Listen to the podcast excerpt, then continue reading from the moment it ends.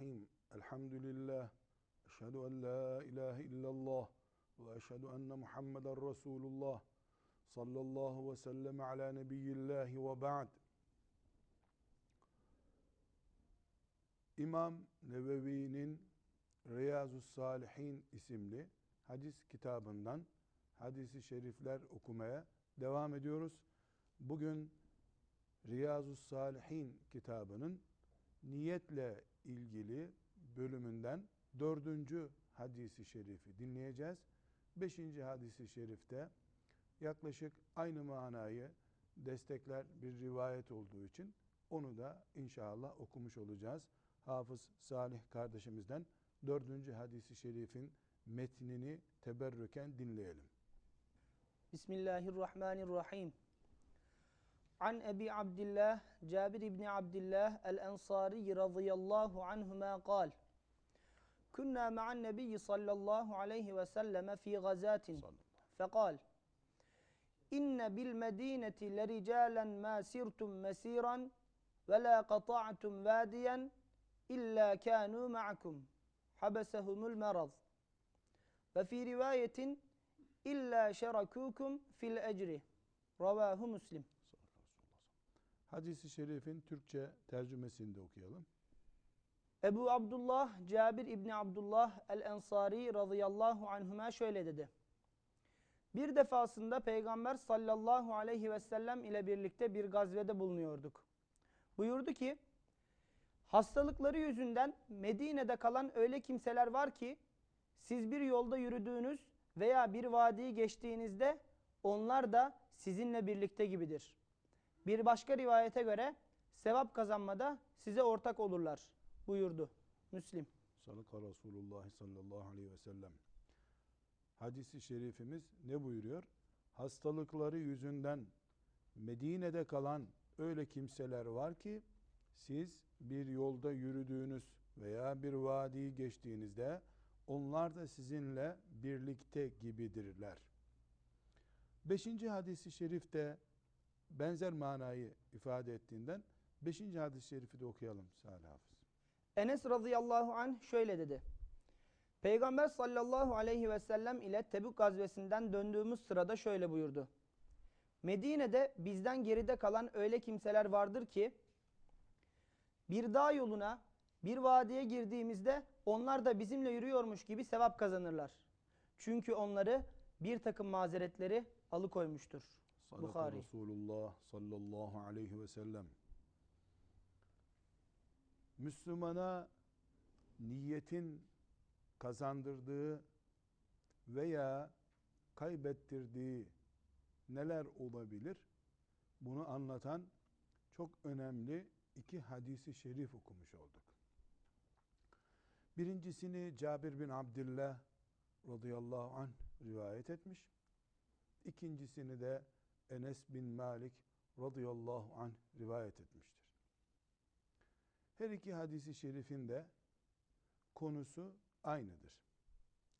Resulullah sallallahu aleyhi ve sellem Efendimizin hicretinin 9. senesinde gerçekleştirilen ve Kur'an-ı Kerim'de de zikredilen meşhur Tebuk gazvesinin dönüşü esnasında hem Cabir bin Abdullah hem de Enes bin Malik radıyallahu anhuma kendilerine ait bir hatıralarını naklediyorlar.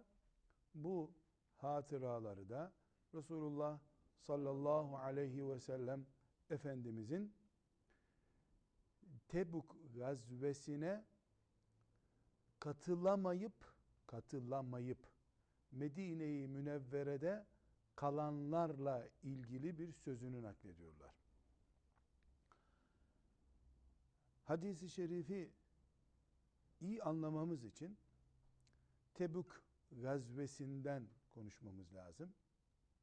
Ama biz Tebük gazvesinin ayrıntılarına girmeden Hz. Cabir ile radıyallahu an ve Enes İbni Malik ile ilgili bir iki hatırlatma yapmamızda yarar var.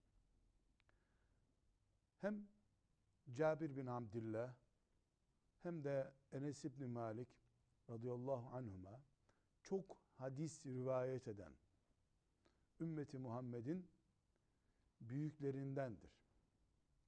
Bir sahabinin çok veya az hadis rivayet etmesi sahabiliği açısından çok şey değiştirmiyor.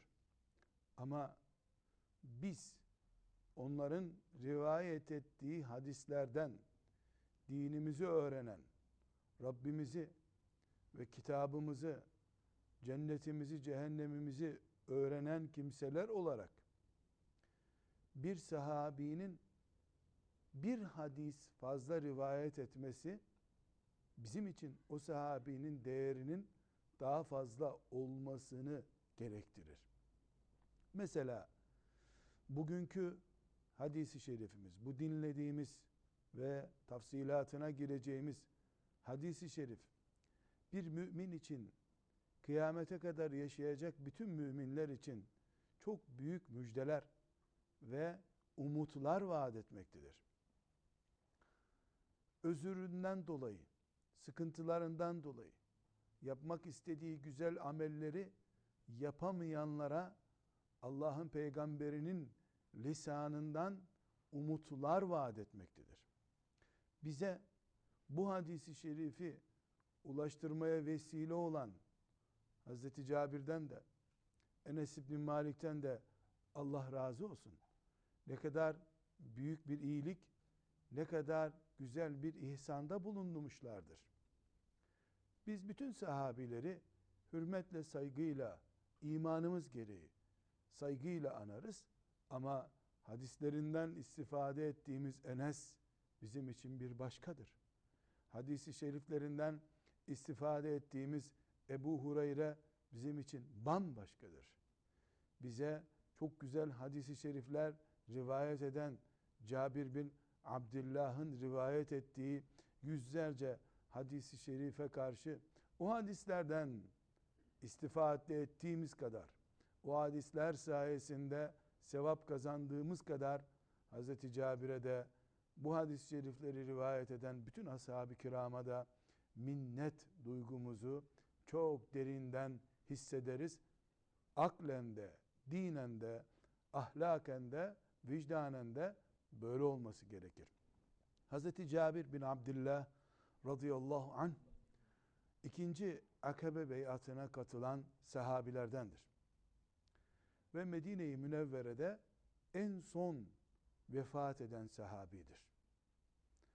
Bu tip özellikleri olan bir sahabi.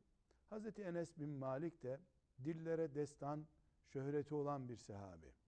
Henüz 10 yaşındayken annesi Ümmü Süleym Resulullah sallallahu aleyhi ve sellemin Medine'ye hicret ettiği günlerde işte herkes peygamberi Medine'ye hicret etmiş, yeni ev kuruyor, her şeylerini Mekke'de bırakmışlar diye kimisi bir yastık, kimisi bir minder bir şeyler hediye getiriyorlar. Ümmü Süleym dul bir kadın.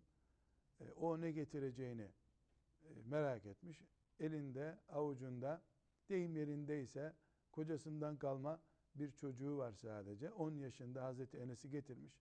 Resulullah sallallahu aleyhi ve selleme bir hediye gibi takdim etmiş. Bu bir nasip meselesi. Hazreti Enes radıyallahu anh peygamber soyundan olmadığı halde peygamber ailesinden ehli beytten olmadığı halde ehli beytle beraber o evde bulunma hazzını yaşamış o lütfu görmüş Allah'tan.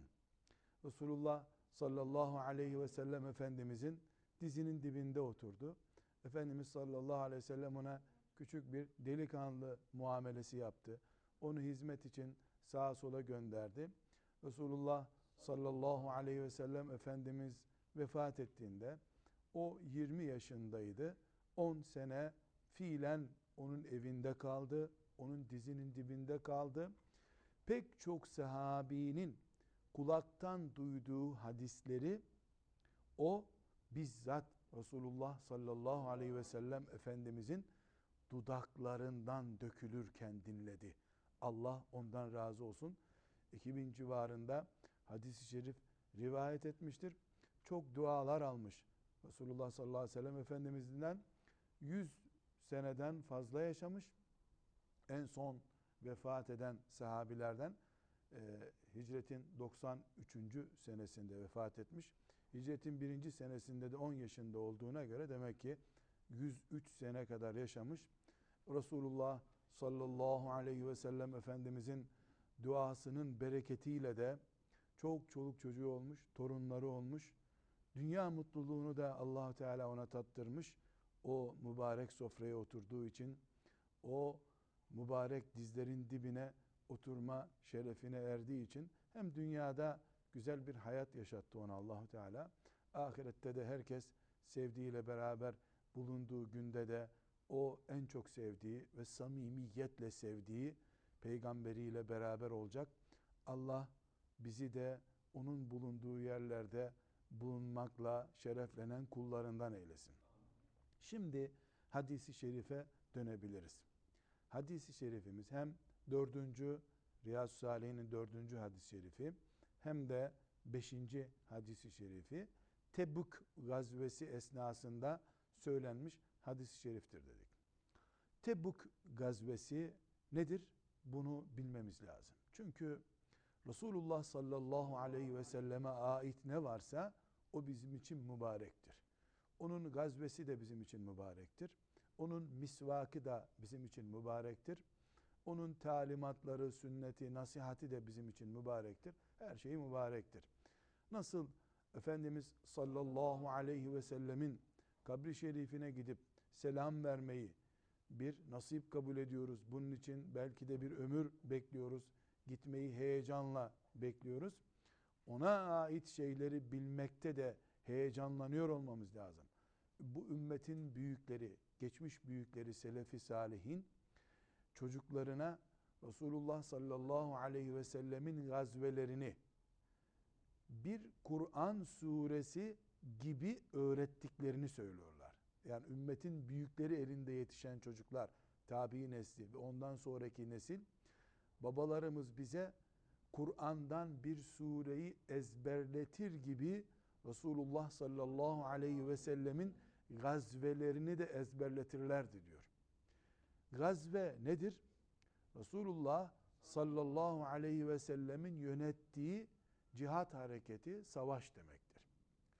Eğer bir savaş bir sahabinin komutasında küçük bir operasyon olarak geçirilmişse ona seriye deniyor. Filan köyde veya filan kasabada böyle ayaküstü denebilecek yani büyük bir savaş tipinde olmayan e, hareketlere, savaş hareketlerine veya savaş öncüsü çalışmalara Resulullah sallallahu aleyhi ve sellem zamanında seriye adı veriliyordu. Büyük cihat hareketlerine Bedir gibi, Uhud gibi, Hendek gibi, işte şimdi konuştuğumuz e, Tebuk gibi olan cihat hareketlerine de gazve adı verilmiştir. Büyük cihat manasında algılayabiliriz biz bunu.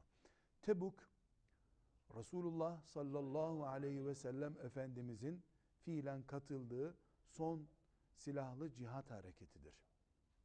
Ve en kalabalık İslam ordusu Tebuk'te toplanmıştır. En büyük bir güce karşı yapılan Resulullah sallallahu aleyhi ve sellemin sağlığında yapılan en büyük hedefi en büyük cihat hareketi de Tebuk gazvesidir. Çünkü Tebuk gazvesi Mekke'nin fethinden sonra ve civar kasabaların, şehirlerin ya da Arap Yarımadası'nın bir bir Müslüman olmaya başladığı Medine'yi, Medine-i Münevvere'yi merkez tanımayı kabul ettiği dönemden sonraki bir harekettir. Çünkü Arap Yarımadası'ndaki Yemen'de dahil olmak üzere e, baş kaldırabilecek güçlü olanlar kabileler veya işte o zamanki İran'a veya Bizans'a bağlı e, küçük Roma'ya bağlı olarak idare edilen merkezler Medine'yi merkez olarak kabul ettikleri için sıkıntının yakın bölgesi hemen hemen kontrol altına alınmıştı. Ama büyük bir e, Roma baskısı bugünkü Suriye sınırlarında her an Medine'yi tehdit edebilirdi. Çünkü Suriye ve Suriye'den bugünkü Filistin toprağına doğru inildiğindeki bölge Roma'nın dolayısıyla Bizans'ın ve o uzantıyla aşağıya doğru inildiğinde e, batılı güçlerin o zaman da batılı olan güçlerin tehdidi hatta idaresi altındaydı. Resulullah sallallahu aleyhi ve sellem Efendimiz çok büyük kalabalık o güne de, o güne kadar ki İslam ordusunun en kalabalık olduğu bir sayıyla e, yine Hazreti Enes'in ve diğer bazı sahabilerin o günkü İslam ordusunun sayısı ile ilgili verdikleri rakamlar var. 40 bin civarında bir rakamdan söz ediyorlar. Başka bir sahabi de böyle bir kütüğe sığacak kadar değildi isimleri diyor. Yani bir kütük isimleri yazılsa bile bir kütüğün almayacağı kadar büyük bir kitap hacminden daha büyük bir defterin bile almayacağı kadar kalabalık bir İslam ordusuydu diyor. Mekke'yi fethetmek için giden ordunun 10 bin kişi olduğunu düşünürsek Mekke'den sadece bir sene sonra, Mekke'den bir sonraki senede aslında, bir sene sonra değil, Mekke'den bir sonraki, Mekke'nin fethinden bir sonraki senede 10 bin, Mekke'ye 10 bin kişi giden ordu Tebü'ye 40 bin kişi gitti. Elhamdülillah. En düşük rakam 40 bin kişi gitti. Bu Resulullah sallallahu aleyhi ve sellem Efendimizin henüz sağlığında İslam'ın nasıl hızlı bir güç olarak yayıldığını gösteriyor ve aynı zamanda aynı zamanda ve ra'eyten nase yedhulun fi dinillahi afwaca grup grup insanlar Allah'ın dinine giriyor görüyorsun diyen ayetin bir yıl içinde bir mucize olarak nasıl tecelli ettiğini de görmüş oldu ashab-ı kiram. Biz de tarih olarak bir önemli bir ipucu olarak bunu müşahede etmiş oluyoruz. Tebuk gazvesi e, batılı güçlere ve bir miktarda o zamanki e, İran İmparatorluğuna karşı Resulullah sallallahu aleyhi ve sellemin adeta gözdağı hareketiydi. E, çok kalabalık bir ordu çıkarıldı ama Tebuk gazvesinin en önemli boyutu ashab-ı kiram ciddi bir şekilde nefis cihadı ile ilgili imtihana tabi tutuldular. Bu nefis cihadında takılanlar da oldu. Çünkü Tebük gazvesi bir anlamda ilk defa imparatorluk düzeyinde bir devlete gözdağı vermek için yapılmış bir hareketti. Mekkeli müşrikler gibi kabile düzeyinde bir ordu değildi. Yani uzantısı Roma'ya kadar dayanan büyük bir e, imparatorluğa karşı gözdağı verilecekti. Bu her an çok ciddi, çok tehlikeli bir sonuçla karşılaşma ihtimali taşıyordu. Bir. İki, Medine-i Münevvere'deki en sıcak günlerden birisine rastladı bu. Yani normalde Medine-i Münevvere'de e, hemen hemen üç mevsime yakın bir mevsim yaşanıyor. Kışın sıcaklık biraz daha düşüyor. Baharda hissedilecek kadar oluyor. Ama Temmuz, Ağustos aylarında kavurucu bir sıcak. Çıplak ayakla e, çöle veya yere basılması halinde ayak derisini eritecek kadar çok sıcak olduğu dönemler oluyor. Hala öyle tabi. Ashab-ı kiram böyle bir dönemde sıcağın insanı çok tehdit ettiği bir dönemde Tebuk gazvesine çağrıldılar. Bir üçüncü özellik de Medine'de o günkü hayat belki de hala bugünkü hayat ekonomisi hurma üzerinden dönen bir hayattı. Medine'de ekonomi demek hurma demekti. Tebuk gazvesine çıkılacak günlerde bugün yarın hurmaların ta, mahsul olarak toplanacağı, depolanacağı günlerdi. Ashab-ı kiram hem çok tehlikeli bir cihat hareketine çağrıldılar hem çok aşırı bir sıcak dönemde çağrıldılar hem de kapılarının önünde olgunlaşmış akşam sabah toplanacak tonlarca diyelim şimdiki rakamlarla bir hurma devşirme gününde böyle bir cihada çağrıldılar. Resulullah sallallahu aleyhi ve sellem Efendimizin Tebuk gazvesine davet ettiği zaman ashab-ı kiram büyük bir kalabalık halinde Resulullah sallallahu aleyhi ve sellemin bu davetini soruşturmadan, tehlikesini kovuşturmadan her türlü samimiyeti göstererek, ihlasla Efendimiz sallallahu aleyhi ve sellemin bu cihat davetine icabet ettiler. Bu cihada iki grup katılmadı.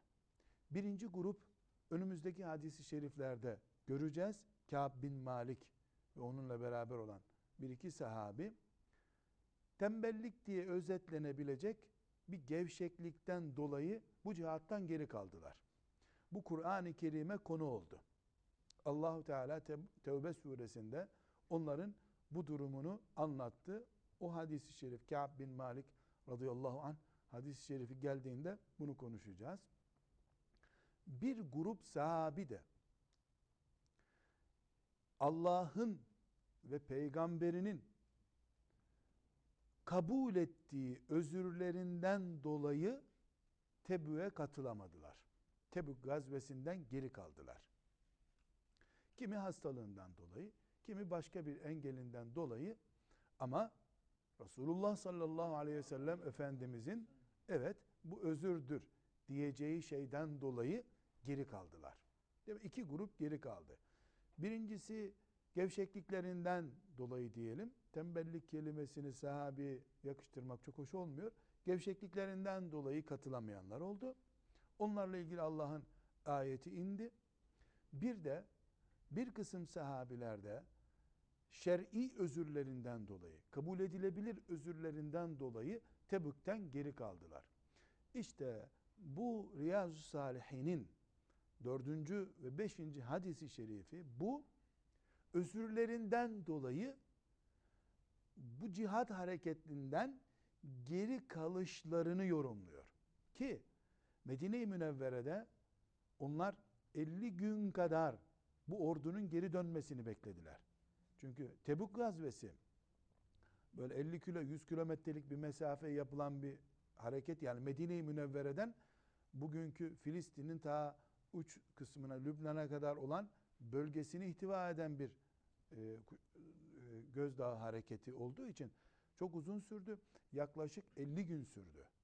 Ve çok meşakkatli, çok sıkıntılı bir cihat hareketi oldu. Erzak sıkıntısı oldu, sıcaklık sıkıntısı oldu, ashab-ı kiramın rahatsız olduğu başka sorunlar çıktı. Yani Tebük gazvesi 20. asırda değil, 40. asırda bile Müslümanlığın Allah'ın cennetine sokan bir imtihan olarak kazanılabilmesi için müminlerin nelere katlanmasının gerektiğine, imtihanın hangi ebatta olabileceğine, maksimum noktasının ne olduğuna çok güzel bir örnek Tebuk gazvesi. Allah ashab-ı kiramdan razı olsun. Onlar bu imtihanı nasıl yaşanacağını bize gösterdiler. Şimdi o hadisi şerifleri bu şartlarda bu Tebük gazvesinden 40 gün 45 gün sonra dönülürken yolda Resulullah sallallahu aleyhi ve sellem Efendimizin e, buyurmuş olduğu sözü tekrar dinleyelim, hükmünü anlamaya çalışalım. Hastalıkları yüzünden Medine'de kalan öyle kimseler var ki siz bir yolda yürüdüğünüz veya bir vadiyi geçtiğinizde onlar da sizinle birlikte gibidir. Enes radıyallahu anh'ın rivayet ettiği hadis-i şerifte Medine'de bizden geride kalan öyle kimseler vardır ki bir dağ yoluna bir vadiye girdiğimizde onlar da bizimle yürüyormuş gibi sevap kazanırlar. Halbuki Medine'de onlar. Aileleriyle beraberler. Ashab-ı kiram çölde çıplak ayak, belki güneş başlarını kavurur vaziyetteyken dolaşıyorlar. Onlar Mescid-i Nebi'de gölgede öğle namazını kılıyorlar. Böyle bir durumdalar. Çünkü onları bir takım mazeretleri alıkoymuştur. Buyuruyor sallallahu aleyhi ve sellem. Şimdi Resulullah sallallahu aleyhi ve sellem Efendimizin bu hadis-i şerifinden anlıyoruz ki öyle dümdüz otobanda gitmemişler demek ki. Dağ aşmışlar. Efendimizin sözünden anlaşıyor. Biz bir dağı aştığımızda diyor. Vadilerde yürümüşler. Bir sürü sıkıntılarla yapılmış bir yolculuk bu. Bir de bak gittikleri yer davet edildikleri bir yer değil. Ucunda ölüm bulunan, sakat kalmak veya geri gelememek tehlikesi bulunan bir yere gidiyorlar. Başkasının bayrağının dalgalandığı bir toprağa gidiyorlar. Ve kolay bir yolculukla da gitmiyorlar. Sıkıntı üstüne sıkıntı ile gidiyorlar. Evlerinde oturan bazı sahabileri hatırlatarak Resulullah sallallahu aleyhi ve sellem Efendimiz çok net bir ifade kullanıyor. Onlar da sizin kazandığınız sevabı kazanıyorlar buyuruyor. Ama bu kazanıyor derken dağa çıktıysa mücahit dağ yolunu aşıyorsa elbette Allah yolunda düz yolda yürümek bir sevap ama dağda dağ meşakkatiyle yürümek başka bir sevap türü. Dağ meşakkatiyle cihad etmek daha büyük sevap. Gölgelikte cihad etmek de sevap ama güneşin altında doğru dürüst bir gölgelik şemsiyen bile yokken kilometrelerce vadilerde sırtında erzağın devenin yuları elinde dolaşman apayrı bir meşakkat. Medine'deki özürlerinden dolayı Medine-i Münevvere'de kalan sahabiler düz yolda yürürken mücahitlerin kazandığı sevabı o standartta kazandılar. Mücahitler başlarında Resulullah sallallahu aleyhi ve sellem varken dağ yoluna tırmandılarsa Medine'de ailesiyle, çocuklarıyla oturan o sahabiler de o dağa tırmanmış gibi sevap kazandılar. Diyor Resulullah sallallahu aleyhi ve sellem Efendimiz. Burada çok önemli bir mesele var.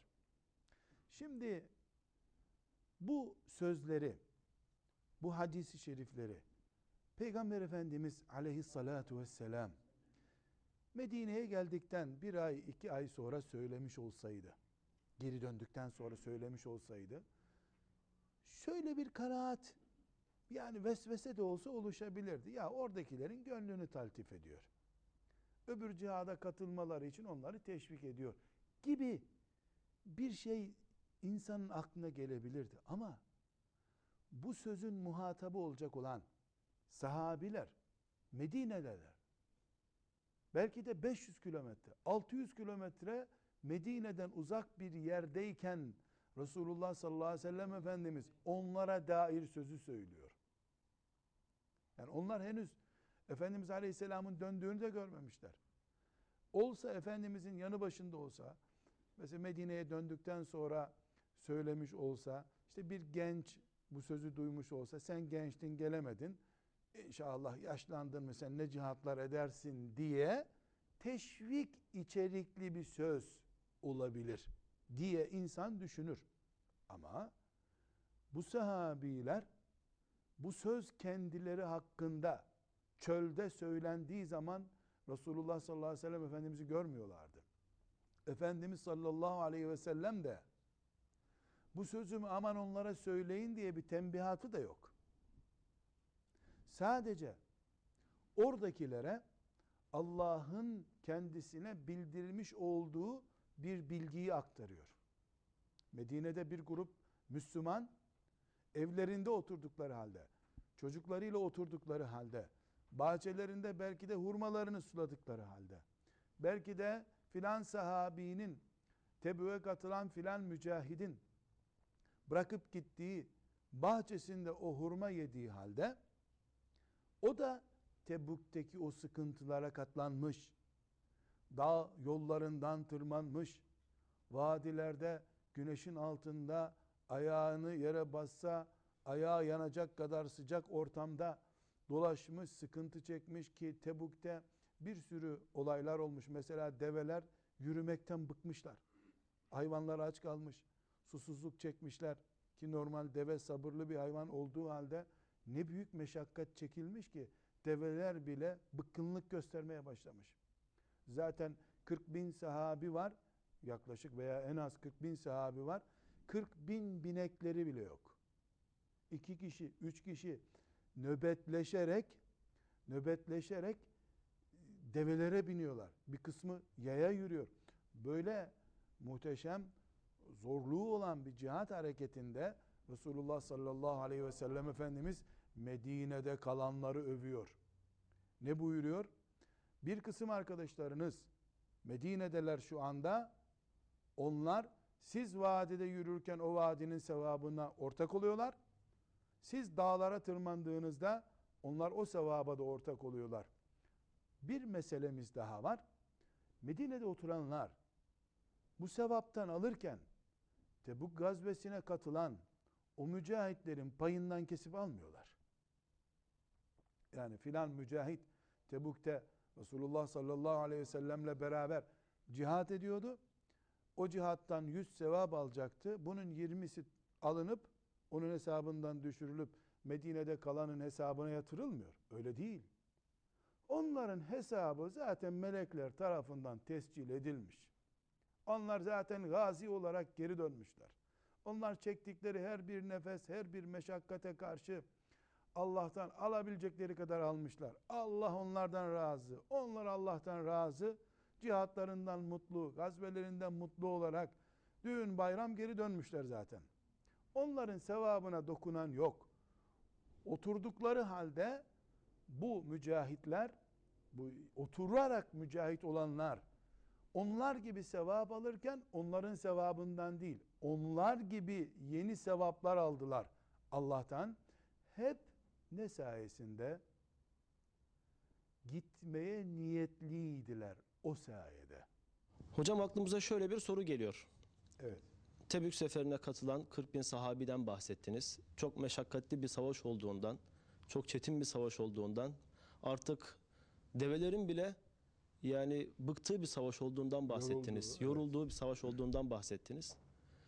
Medine'de kalan müminler mazeretleri olduğu için kalmışlardı. Diğer Müslümanlar da cihad etmişlerdi. Ve geri geldiler. İkisinin de, iki Müslümanın da sevabı aynı derecede mi oluyor? Hiç mi farkları yok bunların? Evet. Medine'de oturanlar sevap kazandılar. Kimin sevabını kazandılar? Tebuk gazvesinde ter döken, sıkıntı çeken, ölümle burun buruna gelen insanların sevabını kazandılar. İkisinin sevabı da eşit mi? Cevabımız hazır. İkisinin de niyeti eşitse eşit tabi. Çünkü Allah çok iyi biliyor ki bu Medine'de hastalığından dolayı veya annesinin babasının felçli halinde hizmet etmek zorunda olduğu için Medine'de kalan herhangi bir meşru bir özürden dolayı Medine'de kalanın niyetindeki dereceyi Allah görüyor. O Tebuk'e katılan 40 bin sahabinin 40 bini de aynı ecirle mi döndüler? Hayır. O 40 bin kişinin de aldığı ecir neye göre taksim edildi? Niyete göre taksim edildi. Şöyle hem de oraları bir görmüş olayım, hep duyardım, görmemiştim. Bir de Resulullah sallallahu aleyhi ve sellemle cihad ederiz işte. Ne güzel. Hem cihat, hem seyahat, hem ticaret diye düşünenle Resulullah'ın daveti Allah'ın davetidir. Hanımıyla bile helallaşmadan, vedalaşmadan yola çıkanın niyeti aynı mı? Evet ikisi de mücahit inşallah. İkisi de gazi olarak döndüler. Ama birisinin niyeti yüzde yüz Allah'a ve Resulüne yardım etmek. Öbürünün niyeti Allah'a ve Resulüne yardım etmek bir takım seyahat e, ipuçları da yakalayacak. O katılanın, fiilen katılanın da aldıkları niyetle ölçülecek. Medine'de oturanın niyeti de ona katkıda bulunacak. Tevbe suresinde Allahu Teala Efendimiz sallallahu aleyhi ve sellem'den ya bana da bir zırh bul, bir kılıç bul, bir terlik bul, ben de geleyim cihada. Ya Resulallah diye ricada bulunan birisini örnek veriyor Kur'an-ı Kerim. Kur'an-ı Kerim'in 10. cüzünün son sayfasında.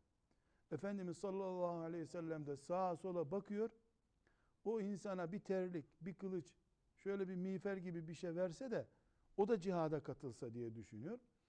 Sana verecek bir şey bulamadım diyor Efendimiz sallallahu aleyhi ve sellem. Bir terlik bulamamış ona vermek için.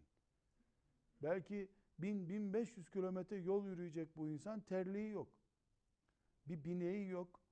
O sahabi de madem bulamadın ben, ben kayıt yaptırdım. Beni almadığınıza göre askere ben de e, gideyim evime oturayım dememiş. Kur'an onun Resulullah Aleyhisselam Efendimizin huzurundan eve gidişini te- da- tarif ediyor. O gözünden oluk gibi yaşlar akana bak diyor. Neye üzülmüş o? Ya bir terlik bulamadık. Bir kılıç bulsam da Resulullah'ın cihadına ben de katılsam diyor. Şimdi bundaki niyete bak. Bu o Tebuk gazvesine katılan Ebu Bekir'den aşağı değil. Çünkü niyeti Ebu Bekir'den aşağı değil. Hazır ben kaydımı yaptırdım. Gelmek istiyorum. Dilekçe vermiş. Dilekçeyi Resulullah sallallahu aleyhi ve sellem Efendimiz'e vermiş. Yani yalanı yok. Belgesine gerek yok. Ben gelmek istiyorum. Terliğim yok diyor. Kılıcım yok diyor. Efendimiz sallallahu aleyhi ve sellem sana verecek bir şeyimiz yok diyor. Gözyaşı akıtıyor cihattan geri kaldığı için. Herkesin aldığı yaptığına göre değil niyetine göre. Zaten bu hadisi şerifte bize niyetin önemini vurgulamak içindi.